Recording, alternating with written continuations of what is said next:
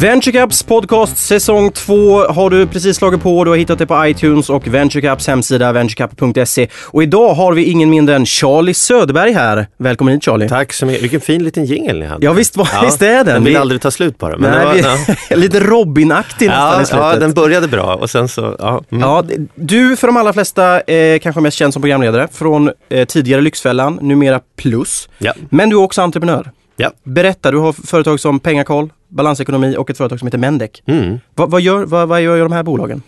Alltså man kan säga att vad vi kommer ifrån från början är coachbranschen. Vi har jobbat med beteendeförändringsprocesser ganska länge och jag har samlat team omkring mig med människor, de jag hittar som verkar vara absolut bäst på det. Och grundidén är väl någonstans så här att när det gäller det här området personlig utveckling så kan man kunna säga att det behandlas ofta som ett ganska flummigt område. Det finns människor som är riktigt, riktigt duktiga på det här. Men, men de har svårt att nå fram med sitt budskap till vanliga människor därför att det blir liksom ja, sitta i lotusställning och liksom primalskrik och det blir lite så här tänk dig frisk och så här, va? Vanliga människor, och de är väldigt, väldigt duktiga men det är svårt att nå ut för det är liksom inte det man vaknar på morgonen som vanlig svensk och tänker det är vad jag behöver idag. Och sen i andra ändan så har vi människor som är otroligt duktiga på, på ekonomi och sådana där bitar som kan verkligen sitta och skapa likviditetsanalyser och ränta på ränta processer och titta på riskanalys och allt det där. Slipsarna liksom. Eh, men de har också väldigt svårt att nå ut till vanliga människor. Det blir så tråkigt så klockorna stannar. Eh, och jag stod tillsammans med några riktigt smarta coacher mitt emellan det där och liksom hade en stor passion egentligen för båda områdena och tänkte kan vi hitta ett sätt att ta det bästa ifrån eh, liksom de här lotusställningarna och det bästa ifrån slipsarna och skapa någonting av det som vanliga människor faktiskt konkret kan använda, som skapar värde i deras vardag. Och det var så det började. Och det började med ett bolag som heter Balansekonomi som helt enkelt är en skola för vuxna svenska människor i hur gör man för att få ett rikare liv? Mer tid, mer pengar, mer energi. Och sen har det lett till ytterligare två bolag i, i den här gruppen då, som du nämnde. Pengakoll som är en sajt och Mendek som fokuserar på att jobba med människor som har utmaningar i sin ekonomi och få det finansierat via banken eller inkassobolaget eller annat. Men du då, vi, vi backar bandet lite grann. Vad började för dig det här med, med varför, varför var det just eget företag som, som blev naturligt för dig i detta? Nej men det var det inte. Det var inte som att jag eh, eh har haft någon passion för att få fylla i blanketter från Skattemyndigheten liksom, eller att ha F-skatt istället. Liksom. Det, är inte, det är inte så det har varit utan hur det var, det var att jag fick ett intresse för en fråga jag ville titta på. Hur gör man för att skapa framgång i sitt liv? Det började rent egoistiskt. Då började jag plugga kring det och liksom läsa böcker om det och titta på hur man skapar, hamna mycket i entreprenörskretsar och sådana saker. Och kom till en punkt där jag inte kunde vara kvar hos min arbetsgivare därför att jag hade helt plötsligt väldigt mycket åsikter om vad som kändes okej okay i magen på mig. Det, det, här sättet vill jag jobba på, det här tror jag på. Och när det där inte gick ihop då var det ganska självklart att ja, men då måste jag sluta göra någonting annat. Um, och så tror jag det är ganska många som, som liksom kanske inte blir entreprenörer direkt från skolan. Att man blir det därför att man kommer till en position när det blir ohållbart att bli anställd. Liksom. Så då um, satte jag mig ner tillsammans med en kompis till mig som hette Pia Nyholm på den tiden. Pia Göte heter hon idag. Och sen så började vi skissa på eh, nya roliga idéer. Och vi faktiskt var det så att det började med, med ett sånt eh, block, liksom en sån här stor block som man har i konferensrum som vi la ut på ett stort bord och sen bara tog vi vad vi kunde. Vi sa så här, okej, okay, vi förutsätter att vi kan bli framgångsrika tillsammans oavsett vad vi gör. Så vi kommer att lyckas. Det, det, här mötet handlar inte om det. Nu är frågan bara om vi fick välja hur ett projekt skulle se ut som vi ville lyckas med. Vad vore drömprojektet? Vad skulle det börja innehålla? Så började vi måla upp det möjligheten att påverka världen, möjligheten att känna att vi växer, möjligheten att jobba med ekonomi. Alltså, och då vart det liksom en sex, sju olika färger på det där blocket och så tittade vi ner och så sa vi okej, okay, så vad finns det för projekt som vi har tänkt på tidigare? Vad är det vi har suttit och pratat om över ett glas vin som verkligen stämmer in på den här kravspecen? Eh, och så började det. Så anställde vi varandra Eh, vi sa helt enkelt att nu går vi till jobbet. Vi börjar med 18 månader. Du kommer till det här rummet klockan halv nio varenda morgon, går härifrån klockan 17. Vi jobbar lördagar också och sen ser vi hur långt kan vi ta det på 18 månader. Efter 18 månader har vi ett nytt möte och ser om det här vi ska fortsätta med. Och vi har hållit på nu i ja, 10 år snart. Eh, ska vi fokusera på ett av bolagen? Vi kan fokusera på balansekonomi. Det, ja, som, det är nog vettigt. Det är ja. vettigt. eh, för att, för, att kunna, för att kunna ha den här resan lite grann. Eh, om vi går tillbaka då, ni, ni satte med det här blocket. Vad blev liksom vad blev nästa steg efter detta? Hur, hur nådde ni ut? Hur, hur, ja, vad blev nästa steg? Alltså nästa steg var ju, måste tänka sig att jag säger helt rätt nu, det var ju att vi började. Vi, vi, jag är väldigt snabbagerande och det är flera som är det. Så att vi gick ut direkt, man började med, vi började med försäljning helt enkelt. Vi sålde eh, produkter som vi inte hade ännu. Vi hade uppfunnit hur de skulle se ut men vi hade inte liksom skapat dem i detalj det var verkligen så att börja kolla av, är marknaden beredda att, att köpa det här? Vad är de beredda att betala? Finns det ett intresse? Man brukar alltid säga att man ska börja med att göra en marknadsundersökning. Det tycker jag är ett så töntigt råd för att det är ingen som har en miljon till att göra en marknadsundersökning från början utan man får börja med att knacka dörr. Så så började det. Vi satte upp eh, små seminarier där vi, där vi skulle förklara för världen eh, vad vi gjorde och vad vi kunde göra hur den processen såg ut. Och vi började med 14 personer hade vi på, på vårt första seminarium. Um, och vi körde det en gång i veckan, en gång i veckan. Och jag minns att när vi hade hållit på i fem månader så kom det en kväll en person in och satte sig i rummet som vi inte visste vem det var. Så fram till dess hade det bara varit människor som vi hade dragit dit själva. Det var så här, vem är det där? Ja, du bjudit in honom? Nej, inte jag heller. Och det var liksom så här ett genombrott. Wow, det, liksom, det var inte de stora ringarna på vattnet, men det var en liten ring på vattnet. Ja, och nu har det hänt mycket. Bara den här veckan tror jag att jag har träffat nästan 3000 människor och föreläst för. Så att eh, det blir liksom, det har vuxit väldigt mycket. Men så började det. Och sen så behövde vi ta det till nästa nivå. Då tog vi hjälp. Då började vi titta på vilka har gjort det här tidigare? Vilka kan vi få tag i? Vi gjorde en språngbräda på Connect. Vi tog kontakt med Pontus Schultz som jag hade träffat på och jobbat jobbat för sedan tidigare eh, och bad om goda råd. Vad ser du i det här? Vad skulle du kunna göra annorlunda? Pontus gav oss det fantastiska rådet att våran idé var så annorlunda mot vad marknaden var van vid så att vi kunde inte köpa marknadsföring som hade kunnat liksom förklara det. Utan han sa satsa på, satsa på PR istället. Se till att ni blir någon som kan berätta en historia som är intressant för folk att lyssna på. Och det sysslar jag med än idag. Jag sitter ju här och pratar med dig. Så att, eh, istället för att köpa reklamtid i radio. Så att, eh, så var det. Sen har vi använt samma modell hela tiden. Vi har försökt hitta, eh, man kan säga utvecklingen i, i, i ett bolag för, har varit för oss varit, och så tror jag det för de flesta också, går liksom stegvis. Det är inte som att det är en jämn kurva utan det är mer som en trappstegsmodell. Va? Och då har det verkligen varit så att man har så fullt upp på sitt trappsteg med att lösa de problemen man har just nu. Så man kommer inte till nästa trappsteg. Så tricket är att pausa det där, sätta sig i möten med människor som redan är på nästa trappsteg eller två trappsteg upp och, och be dem förklara vilka problem behöver jag lösa som jag inte ens kommit på att jag har ännu som är liksom på nästa nivå. Eh, och det tror jag är den stora grejen, att man fastnar i sitt entreprenörskap av att man håller på att lösa de problemen man har just nu. Man tar inte hand om de problem som ska uppstå om sex månader och, och, och därav får man bara samma resultat runt, runt, runt igen. Så det tror jag har varit vår framgångsmodell jävla ös, sälj först, leverera sen, eh, stenkoll på likviditeten och ta hela tiden hjälp från människor som är ett trappsteg högre än där du själv är. Som en mentor nästan? Ja, ja absolut. Men, men, men det har blivit mer att vi, att eh, eftersom vi, vi rör oss framåt hela tiden har det blivit att vi också tar in olika inom olika områden. Mer som rådgivare än att vi har mentorer. Vi har en affärscoach som vi har jobbat med hela tiden. Eh, men det handlar mer om att hålla oss som entreprenörer på spår.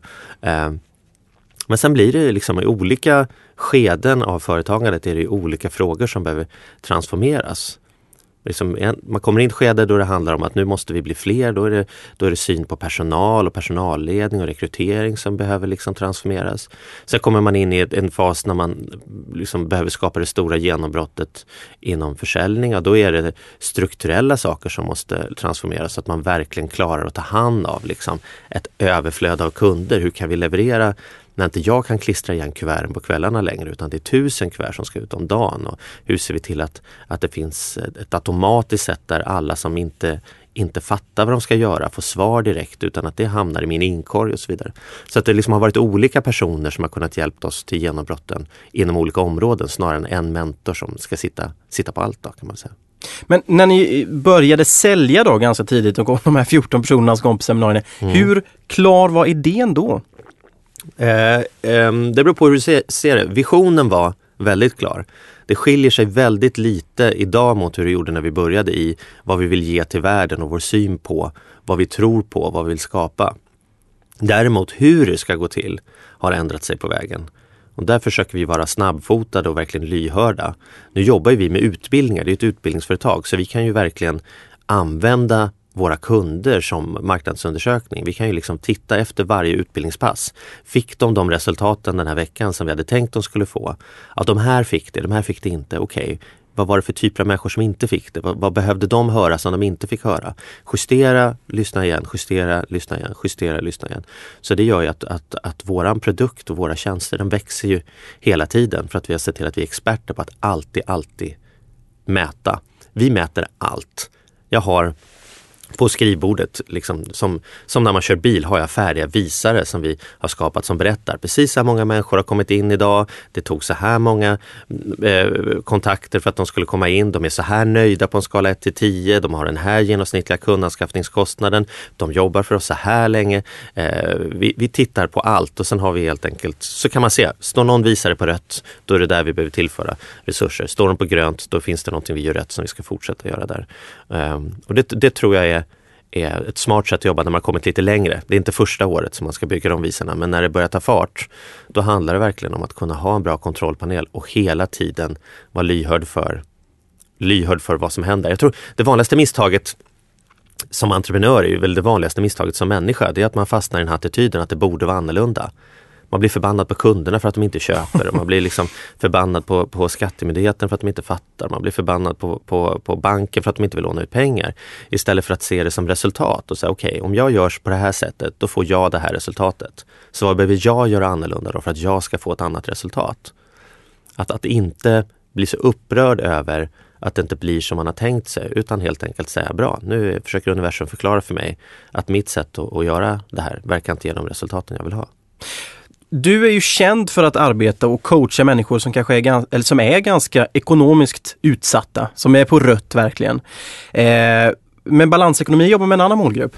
Mm. Hur, hur har det här, hur, hur valde ni målgrupp för balansekonomi? Hur valde ni kunden? Vem var kunden? Ja, alltså eftersom vi jobbar med personlig utveckling så ska man ju säga att om man hade lämnat in en affärsplan till Venture Cup så hade det varit naturligt att säga vi vänder oss till stora företag i Sverige som har en bra HR-avdelning, som ser vikten att satsa på sin personal, som, som har pengar att lägga på, på att utveckla människor och så hade vi kunnat hova in pengar den vägen. Vi har ju valt en katastrofal väg att gå om man tittar på det rent teoretiskt. Därför vi har valt att, att se till att det är kunden själv, det vill säga privatpersonen som köper våra tjänster.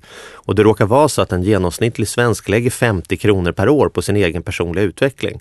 Det, betyder det är inte att, mycket pengar. Nej, det betyder att om alla svenskar hade handlat om mig hade inte jag fått ihop min budget i alla fall. om vi hade legat på snittsiffrorna. Så vad vi har gjort är ju att, att uh, verkligen titta på vilka människor gör vi störst skillnad för och då får man också jobba lite annorlunda än de här självklara demografiska modellerna som att säga ska det vara män, ska det vara kvinnor, ska det vara storstad, ska det vara land, utan mer att titta på livssituationer där vi gör störst skillnad och sen titta på, på, på en betalningsmodell som funkar för det. Då. Så att eh, vi, vi jobbar ju med människor som står i ett skifte i livet unga människor som går ifrån från skola till arbetsliv och som behöver stödja, tänka på ett annat sätt för att skapa sig rikedom i livet. Människor som är småbarnsföräldrar och helt plötsligt har mycket mindre tid och behöver titta på nya sätt att göra. Människor där barnen flyttar hemifrån, helt plötsligt har man mer tid och behöver se hur man ska göra annorlunda. Man har fem år kvar till pension, man börjar fundera på hur ska livet bli sen, vad skulle jag kunna göra annorlunda? Så där, där siktar vi in oss och, och, och ser till att leverera extremt högt värde, extremt hög kvalitet och tar schysst betalt för det. Och sen jobbar vi inte med de andra. Lyxfällan var ju en, någonting som hamnade hos oss tack vare det arbetet vi redan gjorde och där de tänkte så här, ni är duktiga på att göra vanliga människor till rika människor. Hur skulle det se ut om ni hjälpte att göra, göra människor som har enorma ekonomiska problem, om man till och med ska säga fattiga människor, till normala människor. Så det var ju så projektet startade, att vi skulle se om vårat sätt att jobba också gick att använda på människor som hade problem. För när jag blev inbjuden till att göra Lyxfällan, då hade jag aldrig jobbat med människor med ekonomiska problem. Jag hade aldrig gjort ett studiebesök på Kronofogden. Det var liksom inte där våran styrka låg och det är än idag inte där vi i huvudsak jobbar. Även om ironiskt nog det är kanske det vi är mest kända för. men, men hur, var, hur, hur kom det sig att ni, det här var en ganska, det var en, som du säger, man lägger 50 kronor på personlig utveckling. Varför väljer man en sån kund då? Eh, passion passion. Vi har gjort det här i många år nu eh, och vi har gjort det utifrån att det är det här vi tror på, det här vi vill göra. Om vi får göra vad vi vill på dagarna, då är det det här vi vill göra. Och då handlar det snarare om att hitta ett sätt att få den affären att rulla än att liksom titta på vad vore, vad vore liksom, det kanske hade varit lättare för oss om vi bara hade startat ett tobaksbolag. Eller, alltså, men det är inte det vi vill göra. Vi vill göra pengar på att göra gott. Och det har aldrig varit en kompromiss för oss. Um, så det handlade om det och det tror jag är viktigt i sitt entreprenörskap att tänka på det sättet att förutsätta att det kommer ta längre tid än du tror. Det går alldeles utmärkt att göra en plan så säger man så här, vi har första året går det back, andra året går det break-even, tredje året är vi miljonärer. För ofta blir det inte så. Ofta kanske det tar fem år, sju år, tio år. Och då behöver man ställa sig frågan, även om det inte är den planen man går in med, vad är det jag tycker är så fantastiskt roligt så jag är beredd att göra det för 8000 kronor i månaden i åtta år om det skulle krävas. Vilket team ska jag jobba med som gör att jag faktiskt är beredd att gå upp på morgonen när alla andra ligger och sover trots att jag inte tjänar hälften av vad de gör. Och då behöver det vara, tycker jag, ett område man känner passion för. Det är i alla fall den typen av entreprenörskap som jag odlar. Jag gör saker därför att jag tycker att det är roligt, därför att jag tycker att det får mig att växa och därför att jag tycker att jag gör skillnad för människor. Om det inte fyller upp på de tre punkterna, då är det inget möte som jag går på. Liksom. Um, och, och därför har det blivit att vi gör så. Vi jobbar där vi tycker det är roligast att jobba, inte där vi med självklarhet vet att vi kan tjäna hem pengarna. Sen tjänar vi bra pengar och vi får det att funka alldeles utmärkt. Men det har ju handlat därför att vi har gått den hårda vägen och verkligen, verkligen ställt oss frågan. Hur skulle vi kunna göra det här på ett sätt som gör att, att det faktiskt skulle kunna funka? Går, det är ingen annan som har gjort det tidigare. Går det att göra business då på, på vilken passion som helst? Uh, ja. Med, hår, den, med den hårda vägen? Ja, skulle jag påstå. Jag vet ju inte, för jag har inte provat alla. Men om du ber mig svara så är det klart jag säger ja. Jag har åtminstone inte hittat på en annan anledning för någon att inte försöka. För det, det tänker jag, alltså att det, får, det kan ta sin tid. Vi, min erfarenhet är att vi vuxna människor vi är väldigt dåliga på att vara förvirrade. Och förvirringen tycker jag är grunden här någonstans. Alltså jag brukar säga lite elakt att den, den genomsnittliga svenska mannen tar in liksom ny kunskap på samma sätt som en snöplog tar in snö. Det vill säga inte alls. Det är liksom, man, man var förvirrad i gymnasiet, nu är man klar med det. Nu har man en snöplog som bara plöjer all information ner i två diken. Håller med, håller inte med, håller med, håller inte med. Tricket här är ju att våga vara förvirrad en stund och låta hjärnan leta efter svar. Hur skulle jag kunna göra det här på ett sätt som gör att vi omsätter 10 miljoner och jag har möjlighet att surfa på onsdagar. Eller vad det nu är för någonting. Va? Och inte börja redan mötet på morgonen med att säga, det går inte. Ja, hur ska det gå till? Det kan man ju inte göra. Utan att våga hänga kvar i frågan. Om det så får ta en dag, fem dagar, tio dagar, ett år. För hjärnan är fantastisk. Hjärnan hittar det vi berättar för den att den ska leta efter. Men då måste vi ställa frågan, ställa frågan, ställa frågan, ställa frågan. Och de eh, fantastiska entreprenörer som jag får chans att träffa och fått chans att jobba med, det är människor som är väldigt duktiga på att programmera sin hjärna vad den ska leta efter. Tror inte att de är smartare än andra människor. Tror ofta inte att de jobbar så mycket hårdare än andra människor. Det tror jag är en myt. Utan jag tror att det handlar om att man tränar sin hjärna att leta efter rätt grejer. Många av oss har liksom inte ens frågat oss själva vad ska min hjärna leta efter idag utan den letar efter det den alltid letar efter. Vad är det för väder? Vad står det i tidningen? Vad, vad, hur ser jag ut i spegeln? Inte vad vore en ny häftig möjlighet? Jag tror att det var um, Winston Churchill tror jag det var som sa, varje människa snubblar över ett par stora möjligheter i sitt liv. Problemet är bara att de flesta av oss efter att vi har snubblat reser oss upp, borstar av oss och fortsätter gå. För vi känner inte ens igen stora möjligheter när vi snubblar över dem. För det är inte det vi letar efter. Så jag tror för att den som är ung och, och är sugen på ett entreprenörskap, då handlar det om att ta sig an att våga vara förvirrad, vara kaxig och ödmjuk på en gång. Inte ge upp på att det går, men vara ödmjuk för att man inte har någon aning om hur det ska gå till. Även när man tror att man har hittat på det, ska man fortsätta vara ödmjuk för att du har hittat på ett sätt. Tänk om det finns tre sätt till. Alltid leta efter nya möjligheter. Men för tio år sedan då när balansekonomi startades, eller du startade balansekonomi, hur, vad, vad, var svårast med det då, att komma ihåg? Du var inte, ingen visste vem Charlie Söderberg var riktigt och, och, och det här var en ny, en ny idé, ingen hade gjort det tidigare. Vad var svårast? Det svåraste när man börjar tycker jag är att det är lite av ett moment 22. man kan ha många möten när man säger vad vi hade kunnat gjort om det hade varit annorlunda. Liksom hade, man frågat mig då, vad hade, du, vad, vad hade du gjort om du hade haft en miljon på kontot? Då hade jag kunnat svara ganska snabbt. Då hade vi köpt in en sån här och vi hade anställt en sån och vi hade gjort det. Men, men eh, och svara på frågan, okej, okay, så vad tänker du göra nu när du inte har pengar på kontot? Det är en mycket svårare fråga att besvara. Och I de flesta fall så, så, så är det ju inte resultatet som är avgörande för hur verksamheten ska gå de första tre åren, utan det är ju likviditeten. Och det skulle jag säga att det är väldigt sällan ett nystartat företag bara kan få riskkapital. Så man har några miljoner som ligger och väntar på en. Så man bara, nu är det bara att gå ut och göra för att det, det finns pengar. Utan där får man ju liksom förstå att man behöver dra in varenda krona som ska spenderas. Man kan inte alltid göra det som man tror är optimalt för verksamheten om alla pengar fanns, för alla pengar finns inte. Så det ska jag säga, det var inte, svåraste var inte att vi inte var kända. Det svåraste var inte att vi inte hade varumärke. Det svåraste var inte bara en brist på erfarenhet i den mån vi hade det i olika delar av vårt arbete. Utan det var ju att man, frustrationen över att man hela tiden behövde styra verksamheten på likviditet. Man behövde liksom köpa rollapparna när kunden hade betalat trots att det var mycket svarare, ha, smartare att ha rollapparna redan när kunden kom på besök. Det hade sett snyggt ut och de stod där i entrén. Men först behövde vi få in pengarna från kunden. Sen kunde vi åka och köpa rollapparna. Hur löste ni det då? Löste ni likviditeten? Nej, men det, vi löste det med hantverk. Alltså vi löste det genom att bygga våra egna liv på ett sätt där vi helt enkelt inte kostade speciellt mycket pengar. Jag köpte ett litet hyreshus och bodde i en lägenhet, hyrde ut de andra lägenheterna och det gjorde att jag inte hade någon boendekostnad. Eh, och jag trixade med banken och trixade med annat för att inte behöva lägga in så mycket eget kapital i det utan kom undan med att lägga in 90 000 i den affären eh, medan andra la in de andra pengarna. Och det gjorde att jag behövde ett minimalt löneuttag och det är ju bra, då har man någon som jobbar dygnet runt, till entreprenören, som inte behöver få betalt. Vi klarade oss alldeles utmärkt utan pengar. Och mina affärspartners gjorde andra konstruktioner för att helt enkelt göra på det sättet. Vi lånade lokaler eh, av iCube Ehm, som, som på det sättet hade vi någonstans att sitta som var hyggligt representativt. Vi, vi bjöd ehm, smarta människor på lunch och, och fick deras åsikter snarare än att ta in dem som konsulter. Ehm, man fick trolla helt enkelt och, och göra väldigt mycket själv. Um, ta, det steg för steg, steg för steg, steg för steg, men inte fastna i att man tar samma steg om och om igen. Så, så äh, men tråkiga svaret är att lösningen var var hårt jobb och fokus varenda dag på likviditeten, likviditeten, likviditeten. Hur lyckades du övertyga folk då, privatpersonerna, att faktiskt gå den här utbildningen? Jag tror aldrig vi har övertygat någon om att gå den här utbildningen. Um, utan grundidén är ju Min tes är så här, man kan aldrig säga fel saker till rätt person. Och man kan aldrig säga, säga rätt saker till fel person.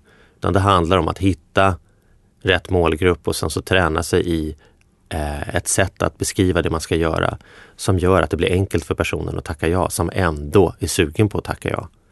Ehm, det kanske finns bolag som är jätteduktiga på modeller för att övertyga kunder som inte ens vill bli kunder och bli kunder. Men, men, men eh, ja, det verkar som en del telefonbolag verkar vara duktiga på det. jag, jag kan ingenting om det. Utan jag, jag har alltid gjort på det sättet och vi har alltid gjort så med vår personal också. Tala autentiskt om det du brinner för eh, och var ärlig med vad du tror att vi kan göra för skillnad. Ställ krav på dina kunder. Säg det. Den, våra utbildningar är väldigt tydliga med den här utbildningen kommer inte göra dig rik. Alltså det är du som kommer göra dig rik. Vi kan ge dig alla verktygen men det är du som behöver göra jobbet. Om du får någon värde utav det här eller inte, det är inte beroende på vad vi gör, det är upp till vad du gör. Eh, och våga, våga vara ärlig och rak med sina kunder och ställa krav. Så det inte blir så smetigt tror jag. Nu ska jag ställa en fråga som jag, jag kommer ställa den två gånger. Mm. Eh, jag kommer ställa den till Charlie för tio år sedan som precis ska starta bolaget Balansekonomi. Och så kommer jag också ställa den till Charlie idag i denna studio, i denna podcast. Mm. Eh, och jag börjar med att ställa den eh, till Charlie idag. Mm. Vad tycker du är viktigast när man startar ett bolag? Utifrån det du vet idag. Mm. Då kommer jag säga någonting kanske oväntat då. Då skulle jag säga familjen min erfarenhet är både från mitt eget företagande och från att ha varit inne i en hel del andra bolag, både som Investor och som coach och annat. Att, att ett bolags uthållighet um, är en funktion av familjens uthållighet, skulle jag säga. Så det spelar ingen roll hur, hur, hur peppad entreprenören är när det kommer igång. Om man inte har ett stöd bakom sig som gör att man klarar om det blir ett stort genombrott i bolaget så att man måste jobba dygnet runt och vara borta. Att folk står hemma och applåderar att man är borta. Eller som klarar att man kommer hem och säger älskling det blir ingen lön den här månaden heller för kunden har inte skrivit på ännu. Um, och min erfarenhet är att oh, hur bra affärsplanen än är, om det inte finns ett team bakom som jobbar för en eller åtminstone inte jobbar emot den um, ehm, så är det nog kört i alla fall. Så idag lyssnar jag väldigt lyhört för i projekt. Finns det, det här har gått på många smällar. Finns det ett stöd runt omkring som skapar förutsättning för det här och få ta den tiden som det kommer ta innan man kan börja vara ledig på helgerna och börja köra Porsche och vad det är för någonting. och nu ställer jag frågan till Charlie för tio år sedan. Vad, vad, vad, vad, skulle du sagt då? Vad hade svaret varit för tio år sedan tror du på den frågan? Vad är viktigast när man startar företag? Då skulle jag tveklöst säga att det är, visionen. Det är um, den klara bilden, passionen, visionen för vad man vill åstadkomma. Alltså förmågan att, som vi brukar säga, ta ut segern i förskott. Det handlar inte om hur erfaren man är tror jag. Det handlade inte om um, hur mycket pengar man har. Det handlar om hur mycket jävlar anamma man har. Så hade jag svarat för tio år sedan. Jag tycker fortfarande att det är ett ganska bra svar. Jag tycker inte att det är fel svar. Men jag har väl lagt till att um, det förändras över tiden om man inte har rätt strukturer omkring sig. Det låter ändå som att du har lärt dig en hel, hel del på vägen. Ja, jag hör det nu när jag pratar också. ja, så kan det ske. Ja. Mm. Men du, vad är det som driver dig då? Tre bolag här och du har varit med och startat upp bolag, programledare och föreläsare. Vad, vad, vad driver Charlie Söderberg? Ja, det är väldigt enkelt. Alltså det som driver mig det är att ha kul. Känna att, känna att jag har ett team omkring mig med, med, som verkligen har roligt tillsammans med.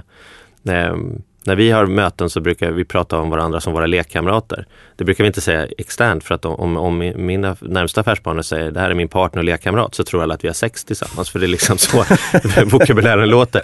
Men det är ju egentligen vad det handlar om. Du vet när det är tufft, människor som kan supporta en och bara säga kom igen nu, det här klarar vi. Nu lärde vi oss något nytt. Och när det är, är, är bra att få chans att fira och lekfullhet och liksom kunna, kunna kittla varandra i midjan eller liksom eh, ja, det, det, där, den roliga energin av, av frihet. Vi bestämmer själva vad vi vill göra. Vi gör det på vårt sätt och vi gör det för att vi har roligt. Det bu, den busiga energin. Och det andra är ju att, eh, att få växa. Att få lära sig nytt, att, att kunna få gå upp varje morgon och göra sånt som man faktiskt inte har full kontroll på hur det ska gå till. Att känna att man är på slak lina. Um, jag, jag, jag är aldrig sugen på att göra sånt jag kan jag är sugen på att göra sånt som jag tror att jag skulle kunna klara av. Jag vill ju inte ge mig in på saker där jag känner att jag är helt lost. Jag är inte sugen på om någon bjuder in mig nu till att göra någon ballettföreställning på Operan. Liksom, för det, det, det, är för stort för mig. Men att göra ett lite större seminarium, en liten annan process, en liten annan, skriva en annan typ av bok. Alltså leta efter ett sätt att göra det lite annorlunda. Gå in i ett annan typ av bolag med en annan typ av kompetens. Sånt tycker jag är intressant. Se, se hur jag kan få växa och utvecklas hela tiden. Och det tredje är ju att jag vill kunna känna när jag går och lägger mig på kvällen att jag har gjort skillnad för människor. Det som får mig att må bra det är att känna på kvällen att människor i någon form har någonting i sitt liv eller gör någonting i sitt liv som de inte hade haft eller inte hade gjort om inte jag hade gått upp i morse. Det är det som får mig att gå och lägga mig och sova gott. Att, att jag vet att jag sätter igång någonting som skapar ringar på vattnet. Jag, jag kommer ställa, kommer till en fråga som jag egentligen under hela, hela tiden när jag har bokat in dig och inför det här, den här intervjun tänkte att den, den frågan skiter i men jag kommer till, tillbaka till den frågan hela tiden. Okay. Eh, det faktum att du är känd nu, mm -hmm. har det spelat någon roll eller spelar det någon roll i, i ditt företagande nu? Eh, ja det gör det absolut. Positivt eller negativt? Eh, både och förstås. Det som är positivt är ju att jag har mycket lättare att ta nya kontakter än vad andra har för att de är liksom inte riktigt nya. Eh, jag var på Almedalsveckan och, och, och, eh, pratade lite grann eh, och då är det ju fantastiskt hur jag kan gå fram till liksom, i stort sett vilken minister som helst och säga Hej, Charlie Söderberg heter jag och så säger ja, jag vet precis vem det är, jag har sett ett program. Och så säger de, vi kanske borde käka lunch ihop. Du vet, det hade ju inte hänt annars. Så det gör ju att jag får chans, eh, inte att nå andra människor, för Sverige är så bra, där kan alla nå alla om man bara är tillräckligt enveten. Men det går fortare för mig. Jag kan ringa upp vem som helst och de flesta, jag ska inte säga de flesta, men många har ändå ett ansikte på vem jag är eller har hört någonting av det jag har gjort. Och det underlättar förstås mycket. Det finns ett högre förtroende förhoppningsvis för mig när jag, när jag förklarar vad vi försöker göra och det är klart att det påverkar vårt varumärke. Det tänker jag inte sticka under stol med. Nackdelen är väl möjligtvis då att vi blir granskade på ett ganska orättvist sätt. Startar jag ett projekt som inte visar vinst första året eller ens är inblandad på en hörna i ett projekt som inte visar vinst första året.